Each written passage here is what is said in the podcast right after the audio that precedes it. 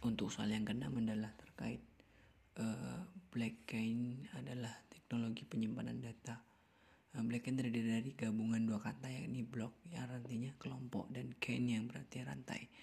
Uh, penamaan tersebut mencerminkan bagaimana cara kerja blockchain yang menggunakan sumber daya uh, komputer untuk menciptakan blok-blok yang terhubung atau sama lain dengan tujuan uh, mengeksekusi transaksi.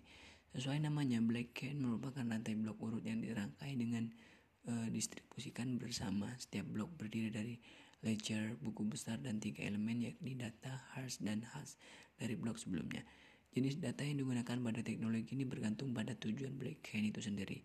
Contohnya dalam Bitcoin, Bitcoin data blok bersisi, uh, berisikan seluruh detail transaksi mulai dari jumlah koin pengiriman hingga penerimaan. Hash berisikan data berupa tanda tangan atau sidik jari atau tanda tangan. Hash digunakan untuk mengidentifikasi blok dari seluruh isinya dalam kode unik.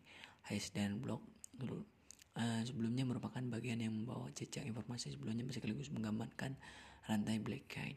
Blockchain adalah teknologi baru yang dikembangkan untuk sistem penyimpanan data digital teknologi ini terhubung melalui uh, kriptografi dan menggunanya tidak bisa lepas dari mata uang Bitcoin dan uh. Kendati dianggap teknologi modern, ide awal Bitcoin sendiri sudah dicetuskan oleh Scott dalam jurnalis dalam jurnalnya yang berjudul Journal of Cryptography How the Step in Digital Common sejak tahun 1936. Uh, cara kerja Blockchain Blockchain dimulai uh, saat sebuah blok menerima informasi baru sistem blockchain terdiri atas transaksi dan blok yang berisikan rangkaian khas kriptografi dan hash blok sebelumnya hingga membentuk jaringan. Blockchain bekerja dengan mencatat informasi yang tidak bisa diubah.